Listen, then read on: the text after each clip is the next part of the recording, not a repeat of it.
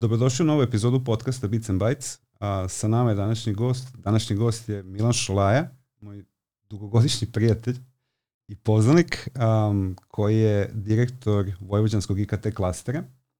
Dobrodošao Milane. Bolje našao. Hvala što si, ovaj, što si mi upriličio ovakav, ja. ovakav događaj. Zadovoljstvo je moje. Znam, super. Um, moje prvo pitanje je um, otkud ti u IT-u? Da. Otko, ja u šali često kažem da ceo život bežim od računara vrlo neuspešno.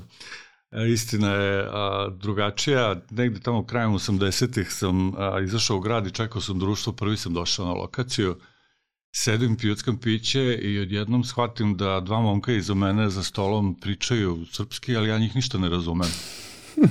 Ispostavilo se da su to bila dva mlada programera, pričali su o basic funkcijama i to je mene užasno zainteresovalo. Inače sam radoznao po prirodi, tako da sam vrlo brzo preduzeo korake da se informišem o čemu se radi. Jako su me ono zarazili računari i cela ta priča, e, Spektrum, igrice, Commodore i tako dalje. Sad krajem 80-ih e, to je već vreme kad su počeli da, da ovaj, bivaju prisutni ti te male igračke konzole, a ja sam, prvi računar koji sam kupio je bio 286 sa 10 mega RAM ovoga hard diska, 256 kilo radne memorije i grafička kartica je isto bila neka jako loša, tako da sam, sećam se, platio 100 maraka naknadno da imam 256k da mogu da igram Lemmingse kod čoveka. da, da, da. Lemmings, tako. Sticam okolnosti, ja sam tad, to je bilo 91. slomio nogu na skijanju na Brezovici, ozbiljno sam je slomio, ugradili su mi neke šipke i poslali me da ležim sledeće godinu dana. Tako da, kad je stigao računar, a, nisam imao šta drugo da radim nego da se njime bavim. To je naravno bila mašina koja je imala samo DOS, mm. a interneta nije bilo literature još manje, slabo sam i znao ljude tada iz te priče i onda sam pokušavao sam nešto da uradim i bio sam prilično očajan jer šta god da kliknem na onoj tastaturi, ništa se ne desi, samo ovaj, restartuje onaj C prompt i to je to. Dok nisam ukucao help, onda je bilo trrr, sve one komande dosove su iskočile i onda sam, tako sam u stvari počeo.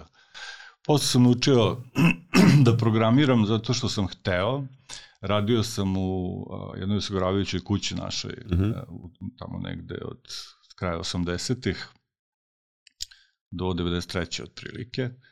I teo sam da napravim uh, program koji bi mi omogućio da vodim evidenciju o svojim klijentima. Znači, ja sam bio uh mhm. -huh. zastupnik osiguranja na terenu, svakog meseca imaš taj neki, to se zvalo skadencar, spisak osiguranja koji izlaze uh mhm. -huh. tog meseca, i onda ih obilaziš najviše ljudima u stanu, osiguraš im domaćinstvo, požar, poplava, kako to već ide i e, radili smo, najviše na procenat je bila plata, bio neki mm -hmm. fiksni deo plate mali, ali sve ostalo je zavisilo od toga koliko se trudiš. Kapim. Da. I ja sam kao mlad a, zastupnik osiguranja dobio novo naselje koje ta, u to vreme još nije bilo ni drveće, drveće bilo po metar i po visoko, danas je to sasvim drugačija priča. Bio jedan put, samo futuški. Da, da, da. I ove, a, bilo je ovako, što bi se reklo, zahtevno, ali sam ja došao na ideju da napravim program, onda sam od svojih para iznajmio jednu vešernicu seljačkih buna, opremio je, uveo telefonsku liniju, novo naselje imalo prvu digitalnu centralu u gradu, mm -hmm. i obilazio sam i da, još godinu dana klijente po tim spiskovima, ali sam svima govorio da sada ima kancelarija koja radi dvokratno, napravio sam čak i neonsku reklamu Dederovu napolju u svom trošku, i ovaj, a, angažovao čoveka da mi napravi program koji bi mi ne samo prikupljao podatke, odnosno čuvao podatke o klijentima, nego i bio za štampu polisa raznih. Sad je bilo tu nekoliko vrsta polisa. I on je to meni napravio, i sad ja sam sedeći pored njega, pošto me naravno sve to interesovalo, shvatio da Clipper 87 u kome je on radio, I ovaj, za osnovno suštini na engleskom jeziku. Ja sam engleski još tada već dosta dobro govorio i bilo mi je sve to logično i shvatio sam da bi mogao i sam to da uradim. Mm -hmm. Tako da sam ja onda a, njega a, otpustio, uglavnom zbog toga što je ubacio jednu proceduru u program koja je svakog 15. u mesecu izbacivala message box na kome piše za ovih programera da servisira baze. Onda bi on došao, ja mu dam 100 maraka, on mi servisira bazu, to jest namesti sledeći datum i, i ode. Onda, Strašno. pošto je meni bilo jasno u čemu se radi, ja sam njemu dao otkaz i onda sam rešio da sam naučim da programiram. Kao što rekoh, nije bilo interneta, bila je jedna knjiga za Clipper 87 mm -hmm. koja je bila onako, nije bila loša, ali je mnogo toga je falilo. Nemaš koga šta da pitaš. Tako da sam ja onda provodio noći kraj računara, tako da negde do 4, 3, 4 ujutru dok ne, ono, do skomolam. Znači, do, dok mogu da izdržim. Najgore je bilo kad ne možeš nađeš grešku u kodu, a on kompajluje program 10 minuta, pa taman ga završi kompajlovanje, ti se setiš da nisi stavio dotačku ili ne znam nešto. To je bilo onako baš... Ali sam ja to uspeo da uradim, uh, onda sam shvatio da nisam dobro uradio jer mi je sve bilo u jednom modulu. Uh Mhm. -huh. Onda sam rešio da moram iz početka, pa sam onda to jeli, razdvojio module, funkcije ove, one, tako dalje. Tako je to bilo super, onako jedno iskustvo. Prve, dakle, štampane polise osiguranja koje su u DDR-u napravljene sam ja uradio na mom 24 ličnom štampaču, to je bila revolucija u firmi kad sam doneo prvi put kod kontrolerke, šta je ovo, šta je čemu ovo, se radi, kako, što je problem, mislim, kao, pa moram da pitam šefa, onda je ona otišla, pitala šefa, šef je rekao, pa dobro, može. A dobro, kaži mi, ajde, ok, mislim, strava je priča, nisam imao pojma za ovo, da. ali ovaj, kaži mi kako se napravio korisnički interfejs? Ok, napravio si bazu. E, postoje jed, jedan programčić koji ti generiše korisnički interfejs na osnovu onoga što ti sam nacrtaš. Zvao se UIGEN, User Interface Generator. Duše, on je imao i proširene funkcije, osim user interface generisao je on i neke dodatne stvari u koje se ja još uvek nisam dovoljno razumeo, pa sam koristio samo generisanje ove ekrana. Da, jako je to zanimljivo bilo. I meni je bilo fascinantno da ja sad sedeći za tastaturom, tu sad pišem neke komande i kad startujem program, on mene izbaci one tamo ekrane, Nešto, da, da, da. ja kliknem ovde, on mi uradi ovo. Mislim, to je bilo za mene potpuna fascinacija. Da, da kapiram, ne, pazi, ja sam, ovaj, moj prvi kompjuter bio Commodore 64, Ćale ga išvrcovo iz Minhena, znaš, on ima autobusima koji su išli. Pa je kao donao samo džojstike i kaskastofon, sledeći put će, sledeći put kad bude dolazio će kupiti kompjuter, u stvari ga već kupio, Aha. sakrio ga u moju sobu tamo da. za nekih stvari, onda sam ja kao, znaš, došao, počeo plačem, znači to je bilo totalno, totalno ludilo. I tamo sam i pisao te prve programe. Ja sam 486 sačekao da umre neka umre neka rođaka, baba, nema Joj. pojma, neka veza, da, da, da, i onda, onda je ovaj, tato odlučio da uloži, kao, znaš, da, da investira, ne znam, da. 2000, Sećam se, 2360 maraka je bio. Ja sam 286 platio 2600 maraka, to, pa, da, da, zajedno da, da. sa štampačem mojim. Fujitsu 24 iglični. Strava, da, strava. Da. Ali dobro, ti si znači već tada kapirao, napravio si program koji nećeš samo ti koristiti, ili tako? Znači, ono, i taj, kako se rekao, UIGen? UIGen, da. UIGen, pa da. samo sam ga ja koristio. Posle je bio još jedan kolega koji je hteo da se priključi, pa sam ja to nje podelio sa njim, onda je on isto iz svog stana isto tako radio. Znači, ti si učestvovao u digitalizaciji Pa da, eto, tako je ispade. da.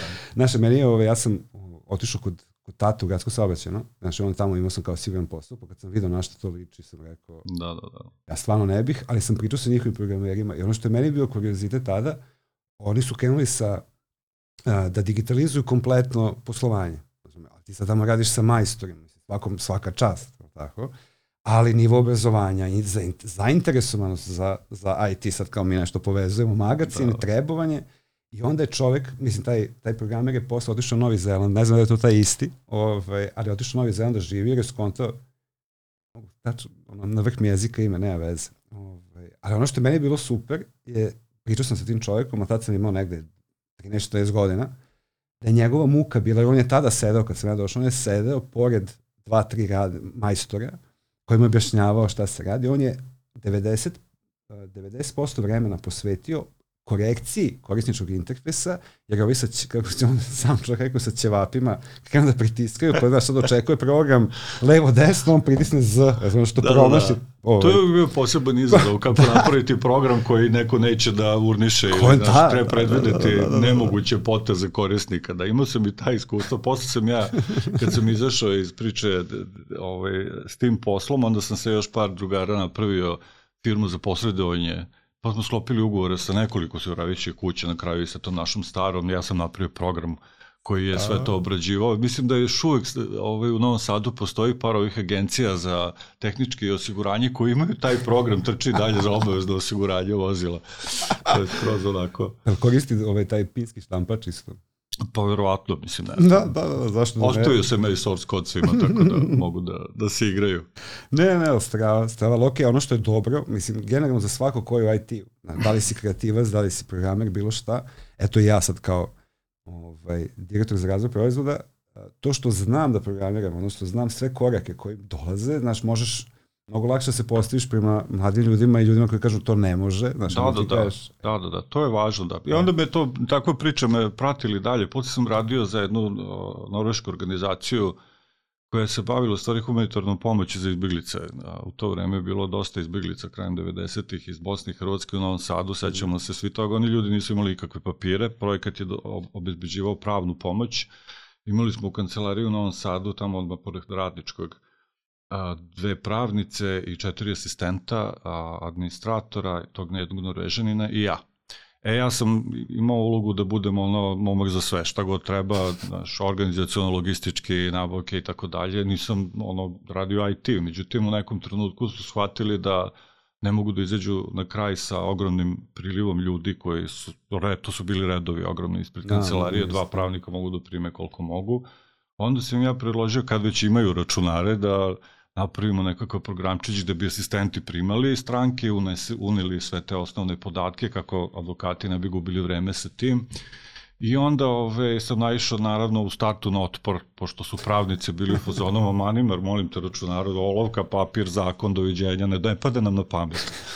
Međutim, Norvežani su rekli, to je dobra ideja, ajde ti to napravi i onda sam ja to, od toga je počelo i koristio sam, sećam se, Microsoft Access, mm -hmm E, smatrao sam da će to biti dovoljno i bilo je dovoljno, a, međutim to je u roku od dve godine naraslo u jednu full blown aplikaciju koja je pozivala template iz Worda, čuvala u direktorijumima, na kraju su Norvežani rešili da će to u celom regionu, Hrvatskoj, Bosni da se i ovaj, Srbiju da koriste, onda sam ja postao IT menadžer za region, možeš misliti, onda sam išao po tim kancelarijama, instalirao software, držao obuke. Napravio ja i ove, user manual koji ima ne znam koliko, 800-900 strana, misli sa sve screenshotovima, ozbiljan projekat od toga napravio. Da. Na kraju su mi ponudili da idem u e, Pakistan, čini mi se tamo negde 90 i 2000 i neke. Tamo su otvorili kancelarije i trebalo im je naravno IT support tamo, ja sam, pošto sam to već prezentovao i ceo program u Oslu i oni to sad imaju instalaciju CD-ove napravili i to je sad. Sve to Milan, evo, posle te, i to je bila neka vrlo ozbiljna ponuda, to su bile neke petocifrene cifre u, u evrima tada već, ali je ponuda stigla u trenutku kada je meni za nedelju dana treba se rodi sin. Aha. Ja sam rekao, hvala, doviđenja, mislim ja ću ipak da ostanem ovde, dao se jednoj koleginici koja je radila IT podršku u Banja Luci, tamo u kancelariji, tako da je ona otišla i napravila karijeru od toga. I onda kad su Norvežani radili phasing out projekt, odlazili su davde, bilo vreme da ja tražim neki drugi mhm. posao mm -hmm. i dobio sam posao u državnoj upravi, ni manje ni više, u nekadašnjem fondu za podršku investicije u Vojvodini. To je bila jedna mlada ekipa, puna entuzijazma, zanimljivo je bilo raditi, tamo je bilo baš puno posla s obzirom na moje dotadašnje kvalifikacije, oni su mi dali da radim praktično dva radna mesta sam popunjavao kao savjetnik za strane direktne investicije i kao savjetnik za IT. Tako da je to bilo isto jedno, da kažem, iskustvo gde se moglo dosta toga naučiti, mm -hmm. naročito o tome kako funkcioniše državna uprava onako iznutra.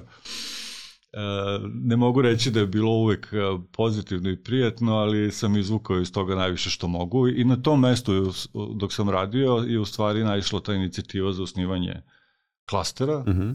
jer naše firme su i tih godina, to je znači 2010. osnovan klaster, 2009. sam ja počeo da radim na tom projektu, uveliko bile orijentisane na strana tržišta, sretali se tamo sa partnerima za koji su videli da su uvek u nekom uh, ovaj, udruženju, da imaju te neke -hmm. svoje asocijacije i hteli su da imaju nešto svoje u krajnjoj liniji, zašto da ne, ta asocijacija može da ima zadatak da se bavi nekim stvarima koje su bitne za sektor, ne samo za članice, nego i za neku širu priču. Jasno.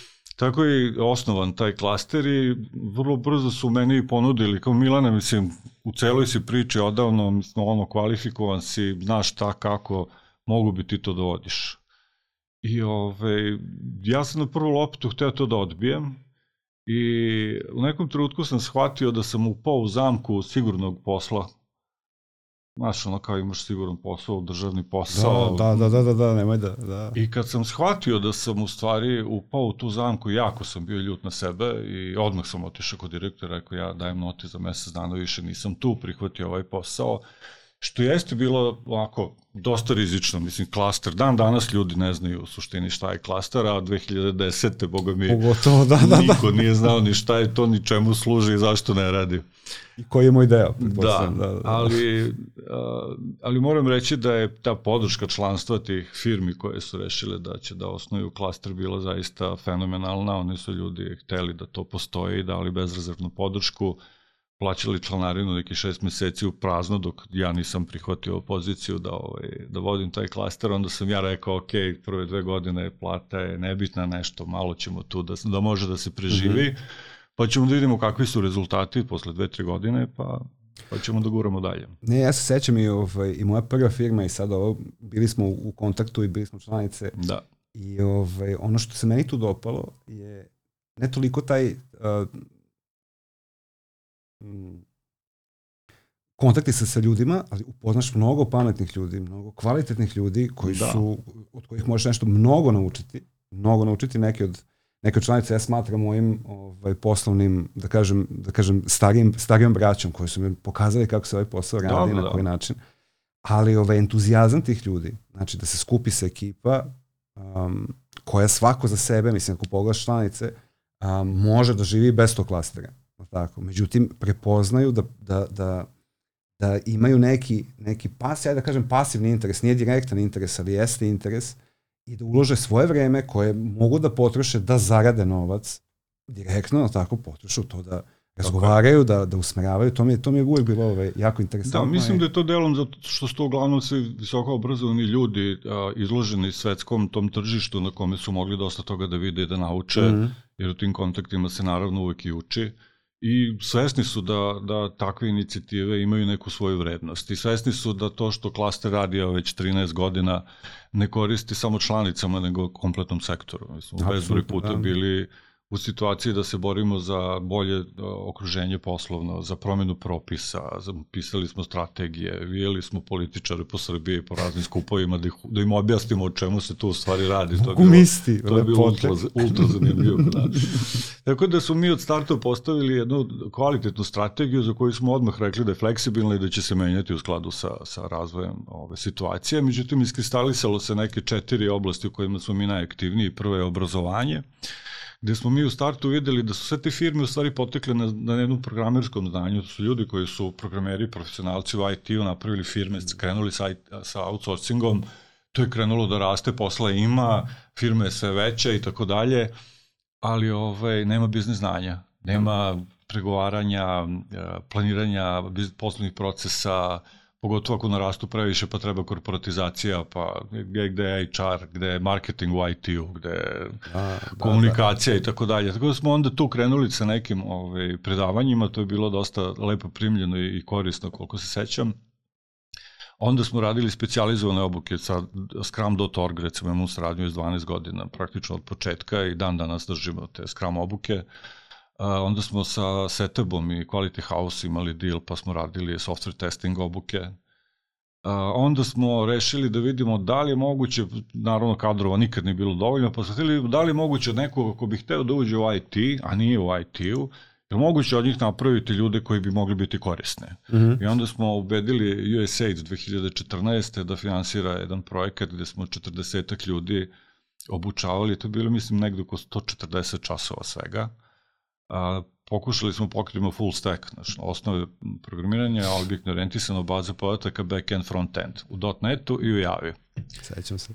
I rezultati su stvarno bili fantastični. Mislim, od tih ljudi 30 od njih ili 32 se zaposlilo, dan danas smo mi u kontaktu sa njima, pratimo im karijere i onda smo shvatili, vidi, ovo funkcioniše i onda smo krenuli to da radimo. I sad ta cela priča sa, sa IT prekvalifikacijama, kako se da, to sad popularno da, zove, da, da, da, da. je doživjela razne ove, e, momente od toga da sam sretao ljudi koji su govorili, vam bar ljudi ste vi normalni, što se mlatite tu nekoga za šest meseci da obučite, da, da mu zamenite fakultet, pa gde to ima, nema nigde.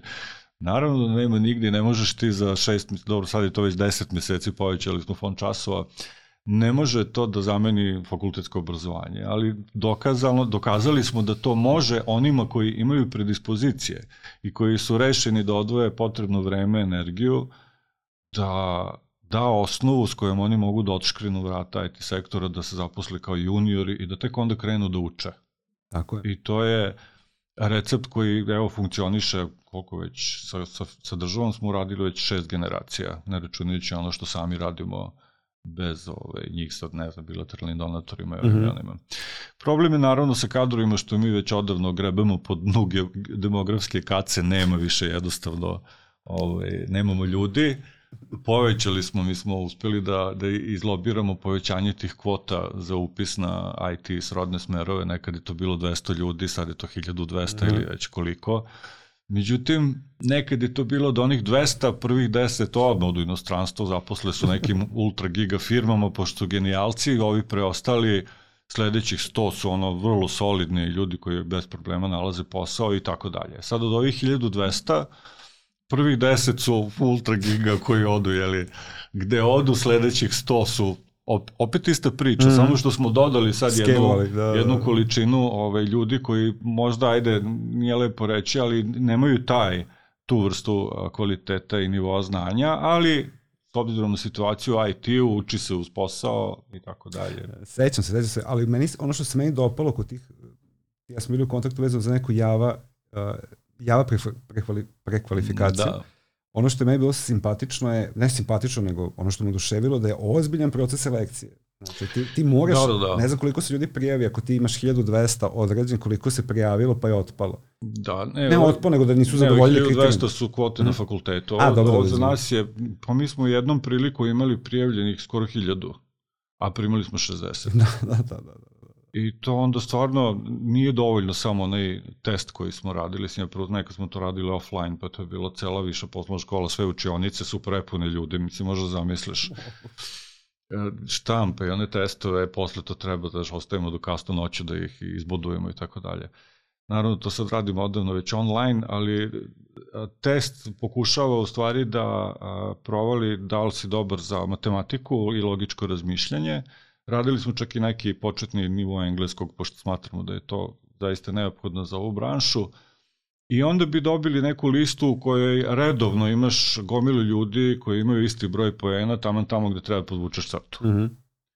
I onda bismo radili intervjue. Baš ovako, mislim... Jedan na jedan. Intervju je jedan na jedan, sa tih, ne znam, to bude ovak par desetina njih i onda organizujemo intervjue s kojim pričamo s ljudima i onda smo i to strukturirali i pokušavali u stvari da provalimo i da ih bodujemo u suštini na da li je timski igrač, koja ima motivacija i onda ti iz razgovora sa čovekom, odnosno ili ženom, vidiš gde su oni u životu, koji im je background, šta ih, šta ih tera i onda smo tako u stvari pravili, pravili te selekcije. I ta selekcija je u stvari pola procesa jer e, mi smo usavršili taj program po kojem radimo odavno, -hmm. samo smo se trudili i uvek se borili sa donatorima da povećamo taj fond, tako da uspeli smo evo do 300, mada bih ja najradije napravio jednu trogodišnju akademiju koja je potpuno neformalna i neakreditovana, s kojom garantujem da bismo izbacivali kvalitetni kadar nego što izlazi sa nekih fakulteta. Seti me se. Zato što, ali pazi, mi dosta dugo to radimo i razlog zašto sam ja tako sam uveren na tu temu je zato što prvo imamo dosta iskustva u, u tom pristupu i tom načinu rada, drugo imamo brdo firmi s kojima sarađujemo koje mogu da utrče sa predavačima, sa hands-on lekcijama, sa, znači iz prakse bukvalno i treće s njima možemo da radimo prakse. Znači, praks, da. bilo kakva edukacija bez obavezne prakse koja je baš ono usmerena na to da iskoristiš ono što si u teoriji naučio, po meni je prilično besmisleno, kao što već i vidimo u našem školstvu da te prakse su onako pro forme i bez veze skroz. Ja sam neformalno obučio nekoliko, mislim, uradio nekoliko prekvalifikacija u životu, mm. znaš, ali da nije, nije bilo for, formalno, nego ljudi koji dođu, ne znam, čovek, ja neću nikad, mislim, aj sad da mu ne spomenem, ima biće vjerojatno i gost, ali čovjek je to čovjek, samo što ga interesu su felne. Felne na kolima, to je bio nivo. Vidiš da je dečko bistar, vredan, sve super, ali priče, priče su drugačije, znaš. I onda ti kreneš, evo ti knjiga, to, to je bio moj, to je bio moj mehanizam da, da, o, da očistim žito od kukuja, to je bio mm. intervju, evo ti knjiga, pa kad pročitaš javi se. čovjek se javi sutra dan, kao ja sam spreman, mogu ja da krenem kao HTML, CSS, on je to već sve naučio za dan, on kreće sa PHP-om, ajde, ajde, nije, ajde da karikiram, nije dan, ali nedelju dana. Na kraju, evo, čovjek sad ima svoju firmu koja ima 6-7 zaposlenih, radi ozbiljan posao, znaš, i onda vidiš, imam utisak da je mnogo čovjeka koji je nešto probao drugo i očeš o IT i da kažeš hoću da se prekvalifikujem, mm. da, da ne, ajde neću da kažem veća šansa, ali možeš dobiti mnogo veći kvalitet, um, mentalni sklop, nego ljudi koji dolaze s fakulteta i očekuju da će odma da. dobiti 1500 evra platu. To ćemo no. posebno temu o workforce in IT. Da, da. Uh, Pa da, mislim, kažem, taj proces selekcije je užasno važan zato što uh, treba nekako detektovati tu motivaciju, ali nije to uvek lako. I mislim da za ovaj posao, taj neki programerski, bilo koji posao IT, stvarno moraš to malo da voliš, ne malo, nego malo više. Moraš, da. Pretpostavljam da tako i u svakom drugom poslu, ako hoćeš da ga radiš kako treba i, i da ove, to bude onako super na zadovoljstvo tvoje i tvog poslodavca ili tvoje firme, ako je tvoja, moraš stvarno to da voliš, inače ako je to muka i ako je to na silu i ako ja moram sad još i ovo da učim, nema tog ništa. Jeste, jeste, ali možemo prepoznaš u čoveku, mislim, ajde, imali Pa da... nije uvek lako, da, ali postoje načini da se to prepozna. Ja i ti je jedna od onih e, profesija u kojoj se ne možeš zaposliti preko veze. Meni to mogo, mogo mi to fino. Znaš. Da, mislim, da, da. Ne možeš da zamisliš koliko me ljudi kontaktiralo tokom ovih 13 godina da mu zaposlim dete. Da, pa mogu misliti. Pa mislim, stvarno nije nikakav problem da pošalje dete CV da vidimo šta ima, šta zna. Ako procenim da ima neke vajde, ja to prosledim svim HR-ovima u članicama, pa ako ga neko zove, ali sad kako drugče da ga zaposlim, ne mogu samo da mu eventualno ovaj, prosledim CV i tako mu možda malo povećam šanse, ali sad da ga zaposlim, Da. Da, da, da, da. To ne postoji.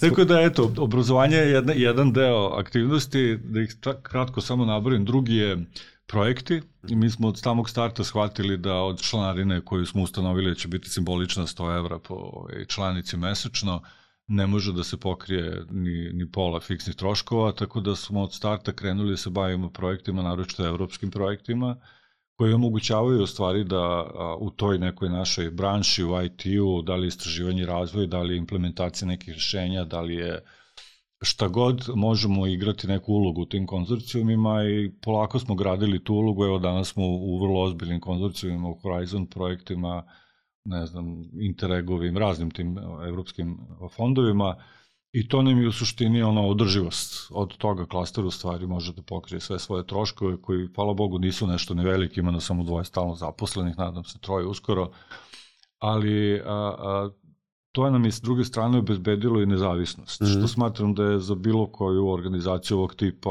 od apsolutno ključne važnosti. Apsolutno slažem. Jer ta pozicija nezavisnosti je nama omogućila u stvari da se bavimo još jednom delatnošću, a to je lobiranje, što je jako dugo bilo lajanje na zvezde u Srbiji, nisi imao s kim da pričaš. Kim ja da pričamo o IT-u 2000, ne znam, 11. 12. Stvarno nisi imao s kim. Sveća se konferencije 2011. smo organizovali prvu konferenciju Danju IT na Ribarcu.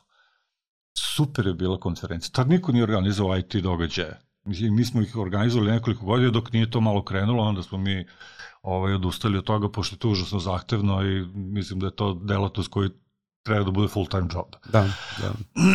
Ali mi smo uspeli tih par da organizujemo i 2011. je bila neka novinarka da izveštava se toga i ja sav očajan što ne mogu uopšte da podignem vidljivost IT-a koji u to vreme, ajde šta smo izvozili, 60-70 miliona IT usluga bi je zanemarljivo. Niko nije pričao IT u Srbiji.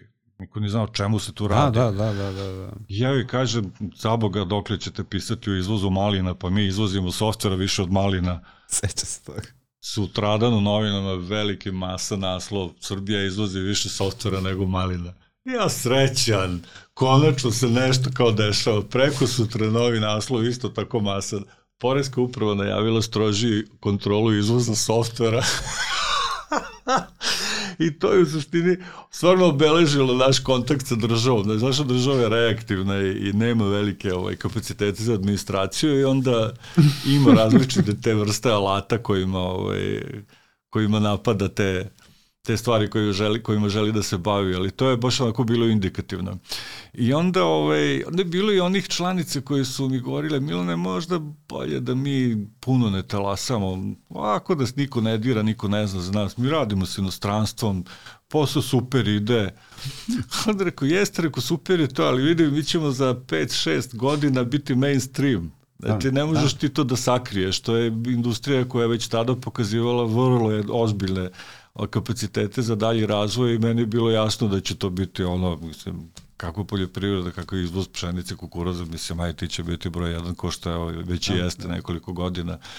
I onda sam ja rekao, ljudi, bolje budemo spremni za tu situaciju i da probamo da gradimo pozicije i da se, ono, da budemo spremni na različite udare koje ćemo da doživimo, ko što i jesmo. I uvek sam se šalio, sreće, pa je ovo biznis u kome nema carine, skladišta, rampe i ostali stvari, nego sve ide preko interneta, pa je onda onima koji bi hteli malo time da se ovaj, bave na taj način, to prilično nemoguće. I mislim da je to, da bude malo i ciničan, jedan od razloga zašto je IT u Srbiji doživeo takav procvat. Da. Evo pogledaj domaću scenu, domaće tržište. Znači, na domaćem tržištu mi imamo situaciju da je to tavorilo na neki 500 miliona evra svake godine jako dugo vremena. I država je u stvari nosila najveći deo toga kroz javne nabavke. Ovo ostalo nešto sitno software ERP uglavnom koji se kod nas koristi, tamo gde se koristi. A ove, tek poslednjih recimo 4-5 godina mi imamo jedva dvocifren ili dvocifren rast domaćeg tržišta. Jeste delom to zbog inflacije, ali nije sve. Znači, postoji ipak taj, korona je pomogla, moram da priznam, u tom kontekstu. E-trgovina je eksplodirala, toga se svi sećamo. Hardvera se prodalo jako puno u tom periodu. Tako da, čini mi se da se više koriste a, a, digitalne rešenja i usluge i proizvodi nego ranije i zato imamo taj rast i konačno smo prešli tu magičnu cifru od milijardu evra vrednosti domaćeg tržišta, ulaganje po glavi stanovnika u IT su konačno iznad 100 evra i kad budemo dostigli 150 evra, konačno ćemo biti na nivou na kome su sve zemlje koje su ušle u Evropsku uniju 2004. bile. Oj, majko, da, da, da. Tako da, pa, tu smo gde smo, ali, da. mislim, pazi, evropski prosek u ulaganju po glavi u IT je negde oko 900 evra. Tako da, jasno je gde smo. E sad, Moram priznati da otkako imamo vlast koja je IT u fokusu, dosta toga se pomerilo i u, i u dobrom pravcu. Mi trenutno, ja mislim, imamo jednu od boljih e-uprava u Evropi, to možemo slobodno da kažemo. A, dosta toga je unapređeno, naravno da ima još puno toga da se radi, ali što se toga tiče, ja sam, ja sam vrlo zadovoljan i tu smo dosta se potrudili da pomognemo na, na svaki mogući način. Ali dok nije došlo do toga, bilo je ultra zanimljivo. Ja sam u jednom trenutku rešio da pratim Mlađana Dinkića po Srbiji. On je tada bio uh, ministar ekonomije i regionalnog razvoja, čini mi se. 2013. recimo. pratim. Da, bukvalno sam ga pratio gde je on tu i ja. On u Uniji poslodavac u Zemunu, eto i mene. On u South centru, ne znam koja konferencija, eto i mene. Ja se uredno prijavim, uvek tu bude onaj QI na kraju, ja se prijavim među prvima da ću imam da postavljam pitanje i ja svaki put postavim isto pitanje. Ministar, kad ću malo da se pozabavim IT-em? Njemu to na kraju dojadilo, poslao je svoju saradnicu da, da porazgovaramo, njoj se to dopalo kao ideja, da i ljudi, mislim, razbijamo, znaš, to je već 2013. to je već malo se zaukavalo i onda smo seli mi smo dobrim delom u stvari napisali prvu ikada strategiju u Srbiji koja je bila posvećena IT-u, usvojena 2000 ne mogu se setiti, da li 14. da li 16. Mislim da je 14. Uh, koju su oni naravno nesrećno nazvali strategije podrške IT sektoru. Aman ljudi, ne Nemojte, treba, ne treba, ne da. treba IT u podrška države, obrnuto je, državi treba podrška IT, ali dobro. To je bio dokument koji je napravljen. Čak je tadašnji ministar imao ideju da nekako za IT-evce smanjimo opterećenje na plate. -hmm. Pa pošto je to jeli, vrlo mlada indu, industrija, ljudi su mladi, zdravi, jaki, da im se ukine plaćanje a, doprinosa za zdravstveno osiguranje. I to bi efektivno smanjilo u stvari ono opterećenje sa tih 64-65 koliko je na 40 recimo i 3. Mm -hmm.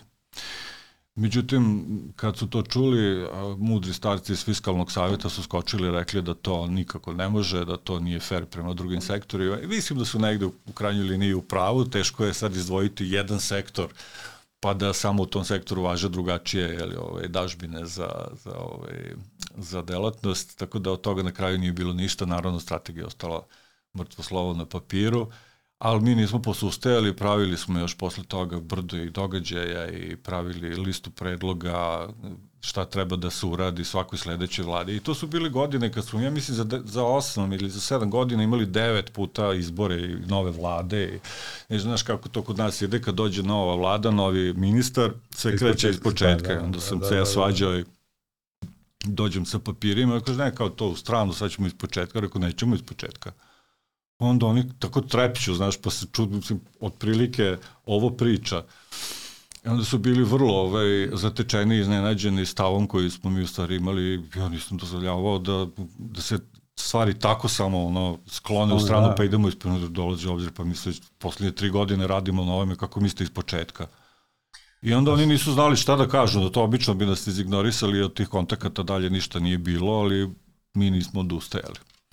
A to ti je dala ta nezavisnost. Mislim, pa da jeste, ti možeš ta, tako se postaviš. Ta nezavisnost je upravo a, ključni, jedan od ključnih faktora za uspeh bilo kojeg a, udruženja.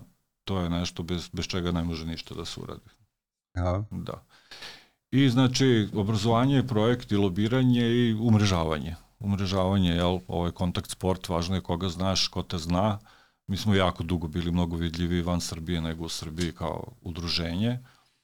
To se naravno posle promenilo kada je IT postao mainstream i kod nas, ali mi imamo se jednu ozbiljnu bazu podataka za ovih 13 godina sa kontaktima i verujem da u dva do tri koraka možemo stići do bilo koga na planeti koja je nekom od naših članica bitan za posao ili za šta god. Konekcija da, sa ostalim udruženjima i klasterima, tako? To je jedna zanimljiva priča, da tako budem blag. Uh, Pojavili su se klasteri u Beogradu, u Subotici na kraju, u Zrenjaninu, u Kragujevcu i u Nišu. I svaki klaster ima kako bih rekao, neke svoje osobine, zavisi od ljudi koji su ga napravili, u koju stranu su usmerili strategiju i tako dalje, ali ja sam se baš trudio da napravimo neki kontakt i iskoristio sam uh, pokroviteljstvo GIZA da iniciram potpisivanje sporazuma između tada tri IT klastera, Niškog, Beogradskog i našeg.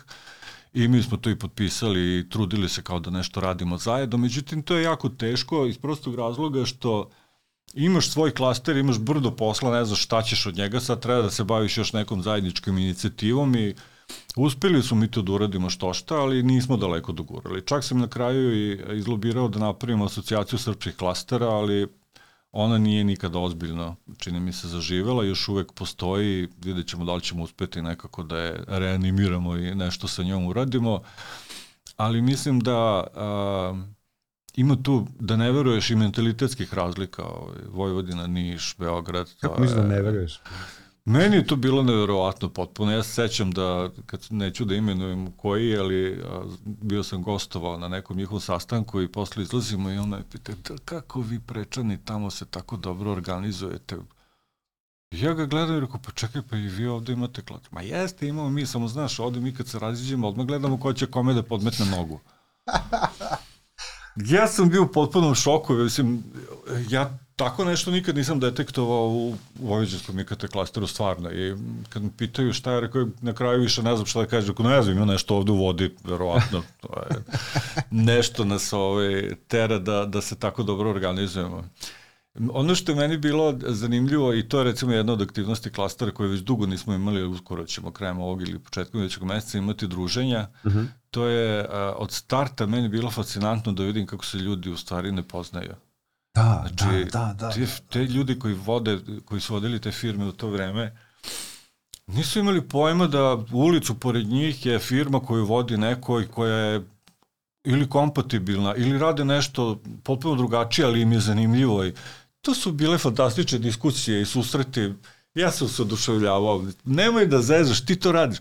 Pa nismo hteli, pa znaš kako to onda već kreje. Ali znaš ovoga, znaš onoga i to je bilo baš ono fenomenalno. I dan danas su korisni ti, ovaj, Ali, ti skupovi. Da, da, ali izvim što te, izvim što te prekidam, ali mene to ne čudi. Pazi, i, i mi smo bili ta firma. Da, da, da, posle sam i ja shvatio, znaš, svi su za, zalepili svoj ekran u svoju klijentelu, da, da, teraju svoju priču, nemaju pojma šta se oko njih dešava, jer rade na tim razvijenim tržištima i nemaju ovde nikakve kontakte. Da, da, da, i ne, nemaju, kada smo razgovarali, znaš, nemaš ni neku kor, znaš, da kažeš kao, a što bismo se uopšte okretili, znaš, bi trošili vreme na to, kada mi imamo već razvijen posao pa i idemo neku drugu da, stranu. Jest, jest. Vidi se posle zašto, ali da. ljudi su generalno koji su u IT-u, ajde da kažemo programeri, da. generalno ne bi da generalizujem, ali veliki deo gleda, gleda svoje posla, mm. neće da, znaš, neće da širi pogled i onda mi, naravno će ti, ti ljudi biti vo, da, vođe da, da. tih firmi. Jeste, mislim da je klaster tu napravio promenu. Dosta firmi recimo iskoristilo klaster za to neko umrežavanje interno i napravilo brdo posla kroz, mm -hmm. kroz takav nastup. Drugi nisu, neki su tu recimo zato što smatraju da treba da budu tu. Da. Nisam da. ih video godinama. Ali plaćaju članarinu. Plaćaju članarinu, to je njihov komitment, žele da pomognu. Da. Tu su, ja to, ja to užasno poštujem. Mislim, kad smo pravili klaster, onda je bilo dosta priče na, na mnoge teme o, o, o tome kako će se organizovati, kako će to funkcionisati, statut, obaveze i tako dalje. I došli smo do toga i mislim da je to bio baš jedan koristan proces i ta priča o strategiji unutrašnjem uređenju, zaključili smo da je najpametnije da svi plaćaju istu članarinu, da to ne ide, sa bilo je tu raznih predloga, koliko da. imamo profita ili koliko zaposlenih mm. i ako smo već neprofitna organizacija koja se ne bavi biznisom direktno, onda treba svi da imamo isto pravo glasa. Tako da jedan Schneider ima jedan glas u Skupštini isto kao neka sasvim mala firma koja zapošljava ajde 10 ili 15 ljudi. Jasne. I isto članarinu. Tako da je, mislim, to dosta dobro postavljeno. Ali to, izvini, ali to ti su daje tu nezavisnost sa druge strane. Jer sad ti da imaš neko ko ti daje 60% članarine, zato što je velika firma, Tako on je, ima da. 60% Tako klasa. Je. Tako je, onda to, onda to već gubi smisao, odnosno to onda već neka druga vrsta organizacije nije klaster. Klaster, da ajde možda i da to kažemo, je po, de, po nekoj definiciji, ima brdo tih definicija, ali to je u stvari aglomeracija a, igrača iz takozvane trostruke spirale, obrazovanje, a, državna uprava i biznis, mm -hmm. Oko nekih aktivnosti koje su već negde manje više uspostavljene. To već se i vidi to na terenu da tu postoji nekakva veza ili treba da postoji veza. E sad to samo treba formalizovati i napraviti te neke procedure za zajednički nastup, saradnju i tako dalje, napraviti strategiju, čime će se ta organizacija baviti i onda se, se to vozi. Tako da Uh, jako puno je bilo pokušaja za formiranje raznih klastera u Srbiji. Ja sam prisutuo uh, jednom drugom. I ja sam se upljuvao objašnjavajući ljudima da uh, iz, naravno iz našeg iskustva kako je to najpametnije uraditi. Znači prvo moraš da imaš stvarno ozbiljnu podršku kompanije koje su u datom sektoru, da li je to drvna industrija, IT, nebitno je. Važno je da imaš ključno tu neku kritičnu masu. Ne mora da bude čak i kritična masa, neka ih bude 5, 10, 15, nije bitno, koje će da kažu, ok, mi želimo to da podržimo. To je preduslov za da se bilo šta pomeri. Jasno. Državna uprava obrazne institucije je manji problem uvesti jer oni po nekako, pogotovo obrazovne institucije, su voljne za tu vrstu saradnje, pogotovo ako je privreda u pitanju, neko ko ima, oni ipak edukuju ljude koji će se danas sutra da rade u, tim, u tom sektoru i obično imaju interesu da budu deo takve priče. Državna uprava je malo teže uvući u tu celu priču i mi to uglavnom radimo po projektima kad uspemo ove, ovaj, da imamo neki projekat ili neku dobru ideju i prepoznamo da je dobar neki konkurs, pa onda ajde, sad ćemo da se uvežemo pa ćemo nešto da uradimo. Ali smo se uvek trudili da imamo njihovu podršku i ja sa političara imam, političara imamo jako dobar odnos. Mi kad nešto dobro uradimo, mi ih zovemo da se slikaju, da održe govor, E, da, njihovi politički pojeni su njihovi politički pojeni. Meni važno da oni nas ne diraju, da nam, da, da, da, da, smetaju. Da, da, da, da, I to je jedna vrlo kvaliteta simbioza. Vrlo često se tu uradi pametnih stvari, recimo državni program IT prekvalifikacije je dobar primer da može i pametno nešto tu da se uradi. Tako da, A, drugo što je važno je ta nezavisnost. Znači, nije dobro kada dozvoliš nekom donatoru ili državnoj upravi ili ne znam bilo kome da ti bude većinski finansijer jer onda možeš lako očekivati e, da će ti tražiti nešto za uzvrat. I onda već prirodi čoveka. Onda gubiš uh, tu, tu samostalnost, onda nemaš pravo da laneš kad smatraš da treba i da digneš galamu ili da kontaktiraš medije ili, znaš. A to je nama uvek bilo važno. Uvek Jasne. nam je jako bilo važno da se čuje glas onih koji predstavljaju industriju. Firmama je često tih godina pogotovo bilo važno da imaju klaster kada smo se svađali oko toga šta treba i kako treba sa državom. Jer ako se neka firma digne glas, sva je prilika da će se useliti neka inspekcija na 3 do 6 meseci u firmu i da neće izlaziti. Jel? Jasno, jasno. Jer to tako kod nas funkcioniše. A klaster je jedna stvarno mala neprofitna organizacija koja vrlo transparentno posluje i ove, neprofitna je i u mandatu je da kaže šta IT industrija je li misli. Jasno, koliko sam ja vidio, vidio sam nekoliko tvojih gostovanja na televiziji, ono, tokom ovih godina i sve, i utisak. Što je, što je moj utisak je da se tvoja reč, reč klastera koju predstavljaš, poštuje. Naravno, neke stvari je teže izvesti, neke lakše. Da niste nezavisni, to bi bilo mnogo teže. Razumeš? Pa Ili bi neke, a on je... To bi bilo nemoguće, naravno, da. da. Dobro, čak i u takvoj situaciji mi smo često bili o, o, u situaciji da nas neko proziva da smo od Neči. ovih ili od onih. Da, da, da. da. E, recimo, onda kad je bila ona priča sa uređivanjem propisa na temu preduzetnika. Uh -huh. U, to je bilo, ovaj, tu je letelo peri onako ozbiljno. Mi smo kad smo videli o čemu se radi rešili da se uključimo u tu diskusiju i smatrali smo da je bolje da budemo deo diskusije i deo tog nekog rešenja koje će na kraju da, da bude urađeno nego da sedimo sa strane i da na kraju dočekamo rezultat i da onda kao kažemo šta mislimo. Da, da, to je, da, da, da. To je reaktivno. Uvek smo bili ovaj, proaktivni na tu temu i uključili smo se u tu priču. Odmah su nas optuživali da mi radimo o glavi preduzetnicima, da Svašta je tu bilo. I kad su doneti ti predlozi ove, a, promena, mi smo se tu izborili za one olakšice koje se dobijaju po svakom takvom zaposlenom, znam, ne znam, znam 70, 60, 50 ili koliko već bilo procenata, 60, 50, 40 čini mi se, u prve tri godine, što je bilo prihvatljivo za firme. Geneza sama je jasna, strane firme su htele da se ove, napravi da se level playing field, što mm -hmm. bi mhm. se reklo, jer oni nisu mogli da zapošljavaju ili nisu hteli ili nisu znali kako da objasne centralama kako stvari funkcionišu u Srbiji, pa su isključivo jeli, zapošljavali jasne, na ugovor o radu. Uh, dok su neke firme koristile da angažuju preduzetnike i to jeste fingiranje ugovora o delu, jer ako tebi neko da radni sto, da ti računar, određuje ti radno vreme, određuje ti kada ješ na godišnji odmor i tako dalje i tako dalje, kako si ti samostalni preduzetnik, naravno da nisi, nego jasno, jasno. treba da bude ugovor o radu.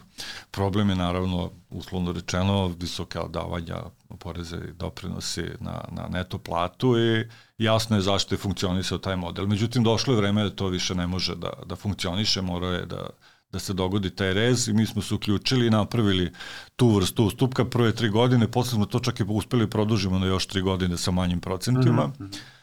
I onda su, sećam se, preduzetnici napravili neko svoje udruženje ad hoc koje je trebalo da se bori za, za njihova prava i ja sam im predložio da im gostujem. I sećam se skupa u Startitu gde je došlo njih puno sala bila, ja sam sedeo sam na toj pozornici i trebalo je sad s njima da izađem na kraj. I oni su imali, ajde, validni, nevalidni, ali to su bili argumenti što ja ovoj državi da platim bilo šta šta ja imam u te države. A, da. Znači, kao zdravstveno, se, što je da platim zdravstveno osiguranje, idem kod privatnog lekara ceo život i svi moji. Dobro, poštujem i ja isto tako ali ja moju decu učim da čim nešto zaradiš, prvo što treba da uradiš je ne da platiš struju ili kupiš hleb, nego da prvo da plaćaš porez. Ja to isto... Pazi, Jer od tog poreza da. se finansira drum po kojem se ti voziš. Taj drum je pun rupa. Pa jeste, ali ipak je drum. Škola, ne valja škola. Jeste, ali mi imamo školstvo, imamo zdravstvo. Imamo... Znači, ne možemo svi da priuštimo sebi. Gde vam je ljudi, bre, osjećaj solidarnosti? Gde vam je empatija? I mislim da ta reč empatija je nešto što ozbiljno nedostaje ovom društvu. Tako, tako slažem se. No, da se vratim na ovu priču, oni su vrlo onako oštro reagovali na celo, na celo to moje izlaganje Onda sam im ja na kraju rekao, ljudi, ako vam se ne dopada kako država funkcioniše, ne možete to da rešavate tako što ćete reći neću platim porez. Ja. To ne funkcioniše zato što će porezka da vam zatvori firmu, naplati kaznu, na kraju ćete ako skupite previše krivično odgovarate, mislim, ne možete na takav način se boriti protiv sistema. Ako hoćete da menjate stvari, učlanite su stranku ili osnovite svoju stranku, napravite program, osvojite vlast, pomenjajte. Ja. To, mislim, i živimo u, bilo to dobro ili loše, ali na naše okruženje je takvo i ne možemo sad da se bavimo hajdučijom. Da. Dobro, mislim, možda možemo, ali... Možda se nije vreme. Ali, da. Tako da je, posle nekog vremena su valjda i oni shvatili da, da to jednostavno neće moći drugačije da ide i... Ovaj... Ta tranzicija, sećam se, ta tranzicija je bila ok, bilo je prvo šok, da, šok da, da. i onda je bilo prilagođanje koje je ovo nije ni tako loše. Znači, niko nije, niko nije rekao, e, ja mi smo prevareni, ni jedan da. drugi, našla se neka tranzicija što poštujem. Znači, Jest. Bez obzira na, na, na Ne, na najbolje ostale. moguće rešenje u datoj situaciji da. je napravljeno, ne, nema sumnje uopšte. Čak, i, ove, ovaj, čak smo uspeli da izbuksujemo te olakšice koje su u velikoj meri omogućile firmama da tu tranziciju prežive na što je moguće bez bolnih način. Jeste, da. jeste. Da. Nije se, sveća se da je bilo kao ono, šok, pa gunđ, i onda da, posle da. kao pa ovo je okej okay, i utopilo se, znaš, nisam da, čuo da je da. neko sad posle te tri godine rekao, e, pa sad ćemo sve da raspustimo, pošto da. ne vredi, znači ta tranzicija je bila... Pritom pravi preduzetnici i dalje nemaju problem. Da, da, oni da, mogu da, da, da, da, Oni da. mogu da padnu pet uslova onih. Znači yes. možeš da imaš i predominantno od jednog prihode, možeš da imaš, ne znam, šta je ono od onih uslova, već sam i pozaboravljao. Da. Znači pet komada može da padeš, ali ako padeš šesti, da. nisi samostalno. Da, da, da, da, ono što je bilo tu malo je da, da su postojala su tih 10 ili 10 bilo pravila, tako, da ne smeš da padneš više od 5, da. ali je bilo tumačenja toga šta piše, ti kad pogledaš i kao, aha, ček, međutim, tumačenje tog, tog, ovaj, tog... Dosta je urađeno i na tome, i priručnici, i predavanja, i poreski Kažem. savjetnici koji su o tome pričali, ko je hteo da se ovaj, sazna, mogo je da se Jasno, jasno, jasno, ali bilo je onako, bilo je, bilo je dinamično. Da, dana. jest. Ali ajde sad ovako, pošto, pošto ulazimo u poslednji deo, poslednji deo podcasta, ovaj, hteo da govorimo na dva pitanja. Ok, znači postoji klaster koji nešto radi, radi za sve IT firme, to je sve cool. A, mi smo kreativci, mislim, predstavljamo kreativce mm. ovde. A, oni su isto tako munjeni isto kao programeri što gledaju samo svoje posla, kreativci misle da znaju najbolje to što rade. Znači, potpuno slično je, praktično je, praktično je slično i sad treba ti jedni i drugi da rade zajedno nešto treće. Mm. A recimo, hipotetički, postoji firma kreativaca, napravi su neki studio, četvora, petora zaposlenih. Koji je njihov interes da uđu u klaster? Požarski IKT klaster. Da, pa... Uh, Krat, kako bi, kratak odgovor je nemaju nikakav direktan interes. Ne, to znam. Da. da, da, da. A ja to uvek volim da naglasim. Mi nikad recimo nismo vodili kampanju za novo članstvo. Nikad se da, mi nešto da, nismo cimali kao, e, ajde uđite u klaster, nikad na, pa, na pamet nije palo da smo imali vremena. A 100 evra. Da, I o, mislim da je na samom početku bila neke priče o tome kako će neko da donira a, laptop ili za početak i tako da onda sam je rekao može super, ali to nikako ovaj, ne poništavaš obavezu članarine. Da, da, da. Možda doniraš koliko god hoćeš, ali članarina je commitment, to je moja ulaznica, to je ja ovako svakog meseca kažem ej tu sam. Da. Tu sam, možete računati na mene i ja mogu da računam na klaster. Jasno. Jer klaster je u stvari mnogo više nego sam zbir tih članica. Ta klaster je organizacija koja može u nekim situacijama da uradi puno više nego bilo koja od članica samostalna. I to je u stvari ta neka vrednost uh, udruživanja. E sad, šta reći jednom mladom studiju sa 4-5 zaposlenih zašto dođu u klaster? Pa, prvo, uh, da li razmišljaju dalje od svog radnog stola? Da li razmišljaju o svom okruženju, da li smatraju da treba vratiti nešto gradu u kome žive, fakultetu na kome su se školovali, ljudima koji su oko njih stvorili infrastrukturu koja je u stvari njima omogućila da budu to što jesu. Znači Jasne. to pod jedan. Ako žele da daju neki svoj doprinos, učlanjivanju klastera je jedan od načina da se, da se ovaj, kaže evo i mi smo tu, želimo da podržimo ovu priču zato što smatramo da je dobra, zato što vodi nekom a, opštem boljitku i tako dalje. A drugo, bit će izloženi a, kroz recimo ta druženja ili kroz komunikaciju internet koju mi imamo, drugačijim mišljenjima, bit će u kontaktu sa ljudima koji vode sve ove ostale firme na ovaj ili onaj način, možda ne previše često, ali će imati priliku da sa tim firmama naprave nekakav kontakt, nešto od njih nauči, uvek se nešto nauči od drugih ljudi, to Jasne. ne može da omane. Treće, moći će da pokreću inicijative za koje smatraju da treba da budu pokrenute. Či meni ovaj propis nas ubi, ceo ovaj, na, ovu našu kreativu se raniše nas načisto. Imamo recimo sad jedan problem sa privremenim uvozom hardvera. Što imaš brdo firmi koji imaju potrebu da uvezu parče nekog hardvera na kome treba sad neki softver da testiraju, Jasne. da rade i posle ga vrate. Privremeni uvoz je kod nas praktično ukinut. Smanjili su ga na 2 do 3 meseca zato što je bilo jako puno zloupotreba, čini mi se u građevinskoj industriji i pošto jeli rekli smo naša država ima jako slabe kapacitete za administraciju, njima je najlakše da preseku i oni su rekli ne, Nema ništa. ne, doviđenje, privremeni uvoz i sad ti imaš brdo domaćih firmi u IT-u koje su prisiljene da kupe to parče softvera, da ga uvezu, platu carinu i rade na tome. Jasno. Nije u redu, stvarno nije u redu, ali je jako teško recimo to raščivijeti. Naše ministarstvo financija svaka im čast, ali oni još uvek žive u 1974. godini. S njima je jako teško izaći na kraj, pritom su oni jako dobri u tome što rade, znaju te svoje propise, vrlo su ovaj, vispreni i treba poznavati taj teren pa se sa njima onda nešto ovaj, dogovoriti. Tako da recimo ima takve situacija, možda u kreativnom tom sektoru postoji neki propis koji bi dobro došao. Recimo moj omiljeni propis koji ne, nisam siguran da je usvojen, jeste da ako ovaj, hoćeš da a, trajno da se iseliš iz Srbije, da moraš da platiš ovaj, troškove školovanja. Šta? Da platiš troškove školovanja, druže. Stvarno? Ja, ja bi to sutra uveo kao zakon. Stvarno? Ne, mislim da nije. Aha, aha, Mislim da nije, ali ja bih voleo. Jer pazi, mi tebe školujemo, ulažemo u tebe, znači ne samo mi kao društvo, nego i tvoji roditelji u krajnjoj liniji. Ja, ne, znači, školovanje kod nas besplatno još uvek.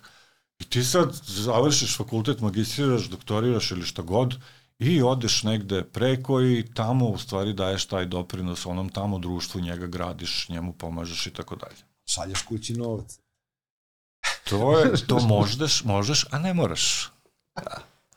A, dobro, znaš, to se ljudima čini kao drastično, ali... Ne, to su, interesantno mi je. To su stvari o kojima to, u da. stvari treba razmišljati. Znači, jer mi svi smo mi nekako uh, ukalupljeni u te neke, uh, svak, u ta svakodnevica nas gazi i, i melje i moramo da vodimo računa o tim nekim trenutnim stvarima, o bližoj porodici, malo nešto šire od toga i teško je ljudima da ove, otvore, otvore um za tako neke šire teme. A trebalo bi time da se bavimo mnogo više.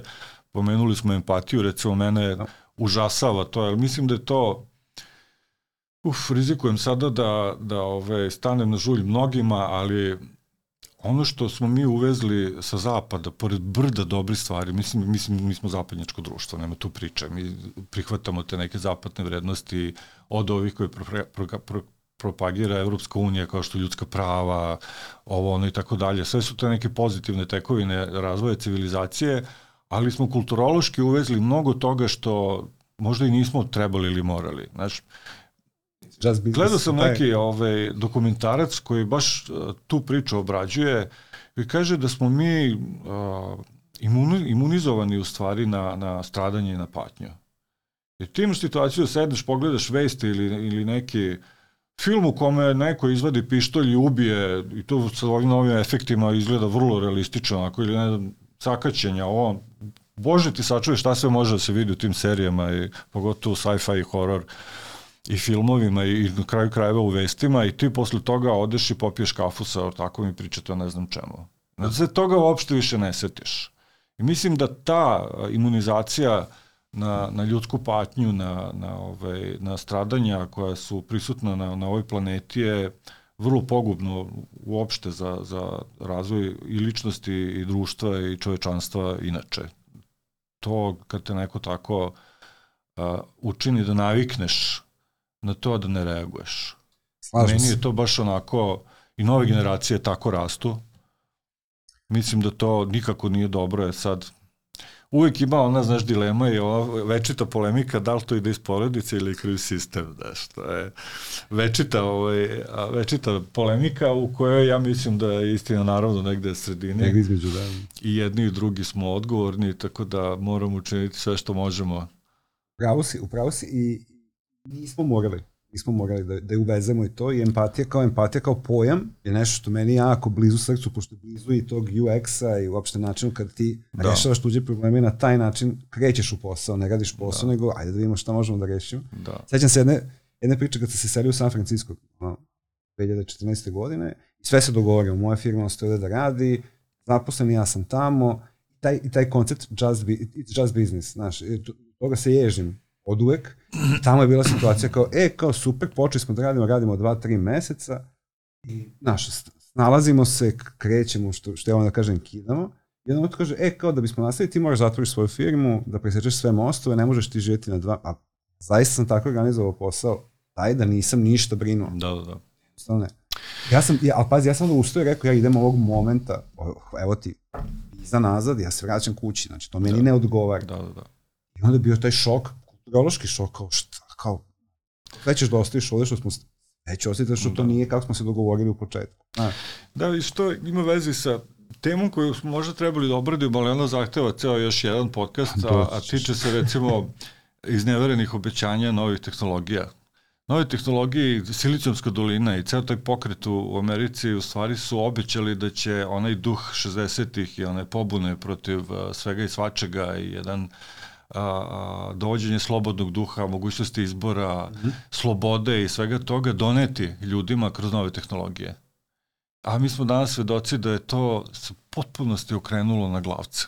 da. Ti si sada u stvari prisiljen da koristiš razno razne tehnologije koje sve pokušavaju da te vežu samo za sebe i koje te uslovljavaju i ovim i onim, preprodaju tvoje lične podatke za Kobayagi ti je sve besplatno, u stvari trguju tobom, Jako skupo, tvojim, da. tvojim životom. Znači, ta, taj disparitet između onog a, a, na čemu su potekle te ideje koje su stremile nekom progresu i nekom oslobođenju čovečanstva, su se tako brzo okrenule i urušile same u sebe da je to potpuno fascinantno. Jest.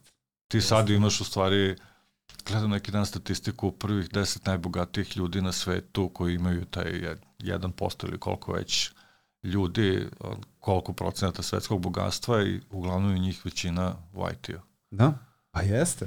Jeste, pa nema u, če, u čemu da budu uglju. Da, U čeliku, to, Da. to je novo. pa, Ali ta, bukvalno to što je sad spomenuo, ja gledam i, i stalno to govorim, znaš, bilo je tih priča i u, u moje vreme, da su igrice štetne, da pozivaju na nasilje, bla, bla, bla, bla. Ja sam uvek bio protiv toga, ne zbog toga što sad kao imam neko, neki politički stav, nego što sam bio gamer, znači puno sam vremena proveo to mi nikada nisam, kad sam tamo video neku ubistvo, kao sad ću ja da ubijem nekog, znaš, ne- nema, nema te veze. naravno, nema te korelacije. Ali gledam u klinca, znači on sedi, o ne znam, bolestan je i sad telefon, YouTube, šta god, znači ovako. I tu skače nešto, trči, nekad se zadrži 5 sekundi, nekad minut, ali nema ekspresiju, nema nikakvu reakciju na, na, na, na glavi da vidiš da on u tome uživa ili da, ili da se šokirao, kao što si rekao, gomila tih stvari na šokantu, ništa, jednostavno si o, oguglao.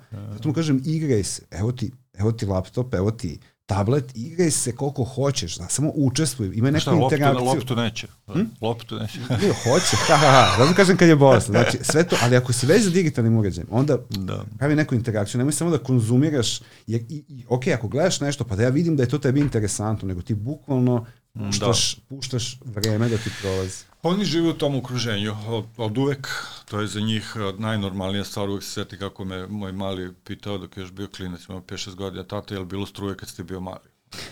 To je, mislim, to je taj, taj rapidni napredak kome su oni, naši, oni sad kad uporede, ako da. moj sin ne zna zašto je na svakom tasteru telefona ima po tri slova, Slova, da, da, da, da. A moja čerka koja je starija od njega pet godina zna da. i ona mu to objasni. Onda možeš da vidiš koji je to o, vrtoglavi razvoj i normalno da me pita da li je bilo struje kad sam ja bio mali. Mislim. Da, da, Ako- da, da. Jer po njemu, znaš, brzina razvoja je takva.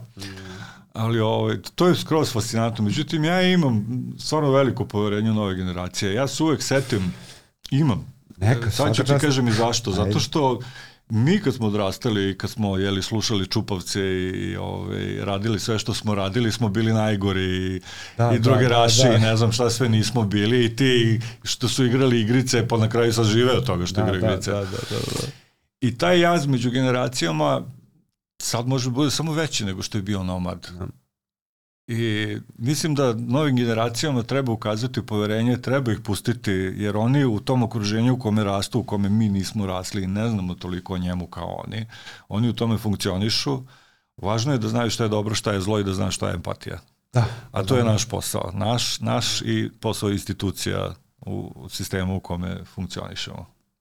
Sjajno, sjajno, sjajno. Ali Da. sad si mi otvorio to, toliko tema, da, ali nema veze, doćeš ti opet. Doćeš ti opet. Da, imamo problema. Neki- Da, da, da, super.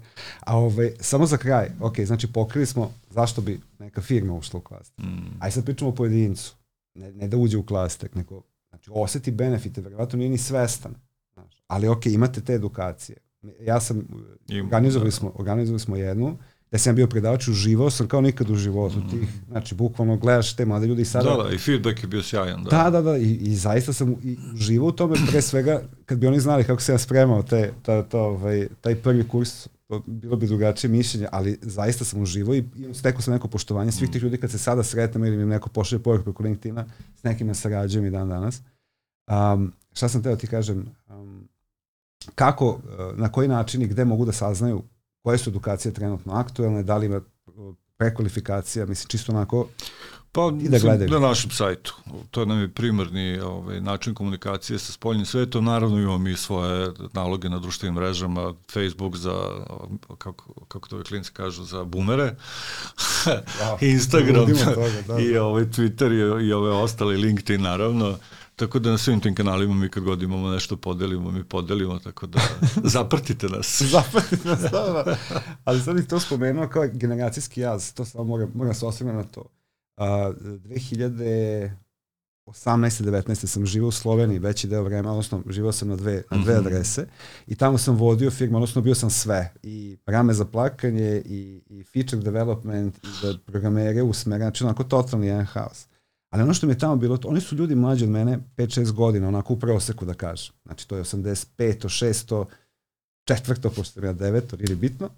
I sad ti sediš s njima za stolom. I sad ako sedimo ti i ja za stolom, ili ajde sad, ti si malo stariji, ali ljudi naše generacije, moje generacije, i da sad nas dvojica gledamo u telefon.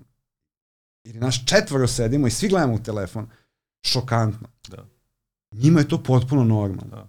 Znači da smo mi imali sre- sreće, nesreće da budemo baš na tom nekom nekoj ozbiljnom, ozbiljnom prelasku neke linije. To meni je bilo šok. Znači, sedimo za stolom i oni gledaju telefon kod ljudi.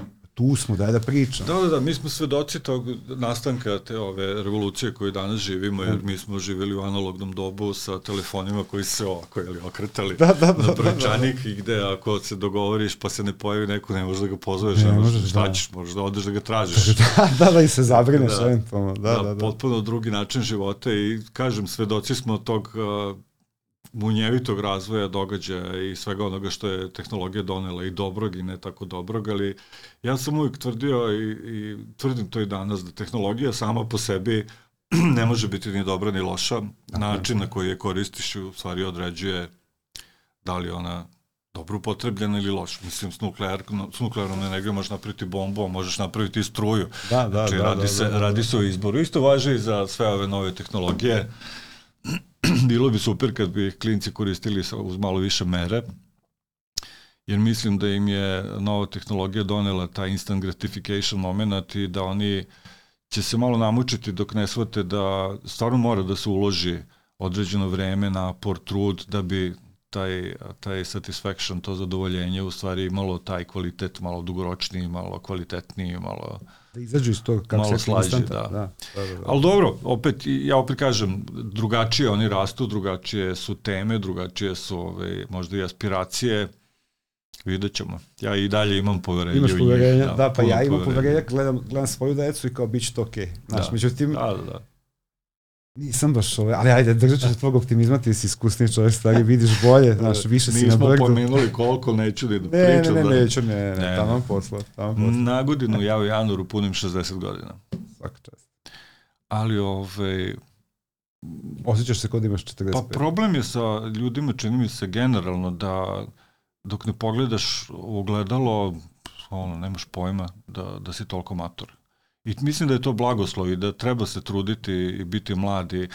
Znaš kako, ja ne mogu sad da generalizujem, ali po mom ličnom iskustvu, onoliko koliko uh, se trudiš da posmatraš život i da se s njima ukutiš u koštac i da budeš aktivan i da pratiš trend koliko možeš ili koliko te zanima, to je ono što ti određuje u stvari po meni nivo koliko si ti mator. Tako je, tako je, Da. tako je, da. Kad tebi dođe- drugara da. koji, sećam se kako je komentarisao za nekog momka, se ja rekao, nema, mlad je, znaš, onda on rekao, vidi, ja nikad nisam bio toliko mlad. I to bio to super rečenica. Tako da, eto, znaš, ima nekih koji su mlađi po godinama od mene, ali ja nikad nisam bio toliko stari, mislim da neću ni biti. Da, Da, da, da, je- super, super. Pa i kažeš, treba, i, i, i, i u takvom si okruženju, mislim, Pa, da, da. ne gledaš reality je i komentarišeš da. sa svojim ovaj, Gledao sam uvijek napred, da, da to je možda, super. možda jedan od razloga. Super, ništa, ovaj, hvala ti puno za ovo gostovanje, otvorili smo puno tema, sad smo da. onako, Zagoricu si mi, Zagoricu si mi, tako da ću te zvaći, e, drago mi je. ponovo. I ovaj, to je bilo sve za, za ovu epizodu. Pratite rad Vojvođanskog IKT klastera i a, puno hvala. Vidimo sledeći put. Hvala i tebi.